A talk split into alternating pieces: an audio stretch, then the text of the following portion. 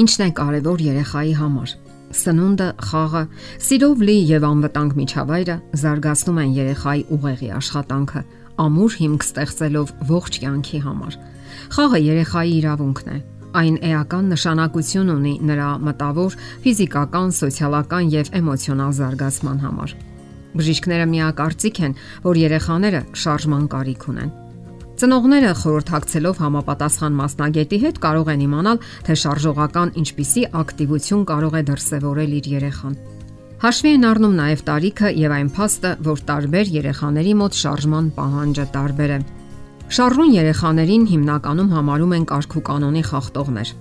Սակայն դա այդպես չէ։ Նրանք ոչինչ դիտավորյալ չեն անում, չեն պատրաստվում անհանգստություն պատճառել Ավելի շուտ նրանք հայտնվում են այնպիսի իրավիճակում, որը ճնշում է շարժվելու նրանց պահանջմունքը։ Այն է վազել, ցատկել, սողալ, պտտվել եւ այլն։ Շարժուն երեխաները պարզապես ի վիճակի չեն երկար ժամանակ նույն տեղում, նույն վիճակում հանդարտ նստել։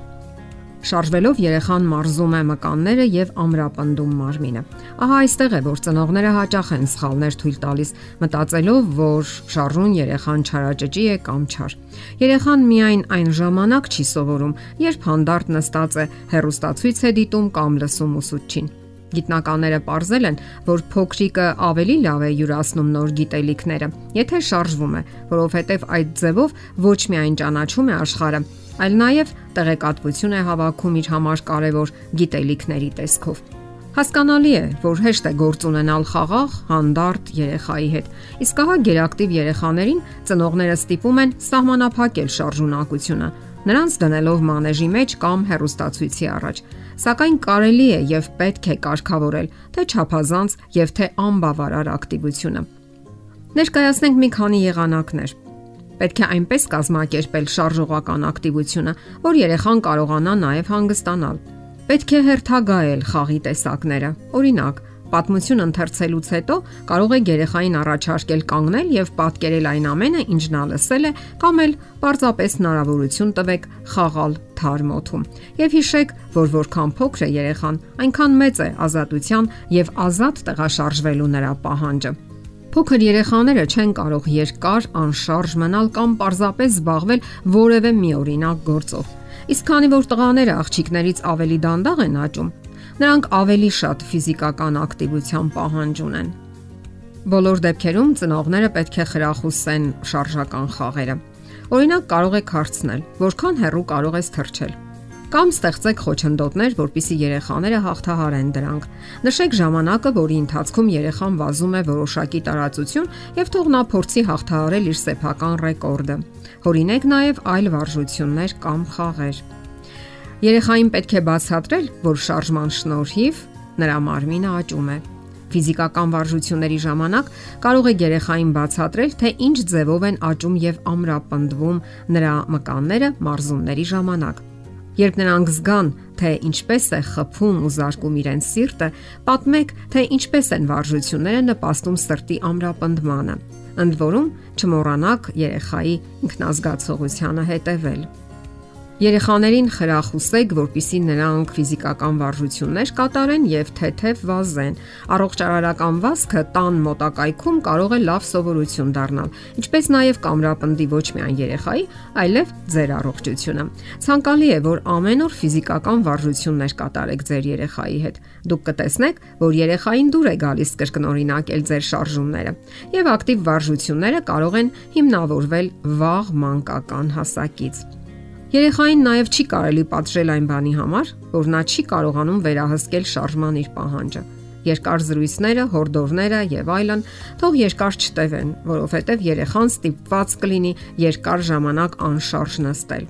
Հետևեք նաև նրա ցերեկային քնին։ Դա սովորաբար ծանր բեռ է գերակտիվ երեխայի համար։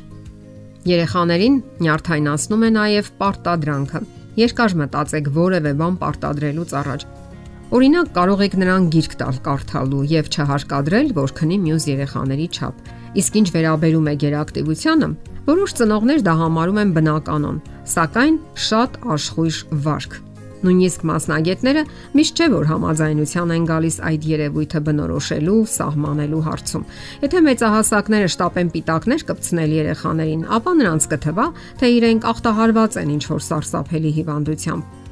ավելի շուտ պետք է քնքշանք եւ խնամք դրսեւորել նրանց հանդեպ մշտական հանդիմանությունների եւ քննադատությունների փոխարեն։ Նշենք, որ ճիշտ սնունդը կենսականորեն կարևոր է գերակտիվության հակված երեխաների համար։ Սննդակարգից հարկավոր է բացառել արհեստական բուրանյութերը, շաքարը, ռաֆինացված եւ պահածոյացված մթերքները, ինչը օգտակար կլինի նաեւ ցանկացած երեխայի։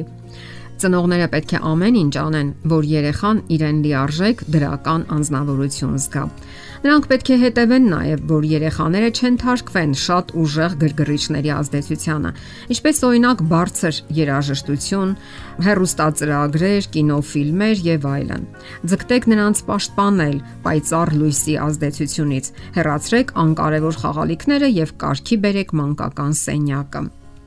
Գերակտիվ երեխաները հատուկ ուշադրություն են պահանջում։ Կարելի է իհարկե նրանց տալ անհրաժեշտ ազատությունը անվտանգ միջավայրում եւ միաժամանակ չթուլացնել հսկողությունը, որpիսի նրանք ճափից ավելի ճավիրեն տունը։ Կարողացեք նաև ժամանակ առ ժամանակ հանգստանալ դիմելով մասնագետների եւ այլ մարդկանց օգնությանն ու սատարմանը։ Եվ հիշեք, խաղը երեխայի հիմնական զբաղմունքն է, աշխարհաճանաչողության նրա հիմնական գործիքը։ Խաղի արդյունքում զարգանում են երեխայի մտավոր, ֆիզիկական, սոցիալական եւ զգայական ոլորտները, ակտիվանում է երևակայությունը։ Դրանից է կախված, թե ինչ հմտություններով կզինվեն երեխաները եւ թե ինչպիսի մարդ կդառնան վաղը։ Եթերում է ընտանիք հաղորդաշարը։ Ձեզ հետ է Գեղեցիկ Մարտիրոսյանը։ Հարցերի եւ առաջարկությունների դեպքում զանգահարեք 094 08 2093 հեռախոսահամարով։ Հետևեք մեզ hopmedia.am հասցեով։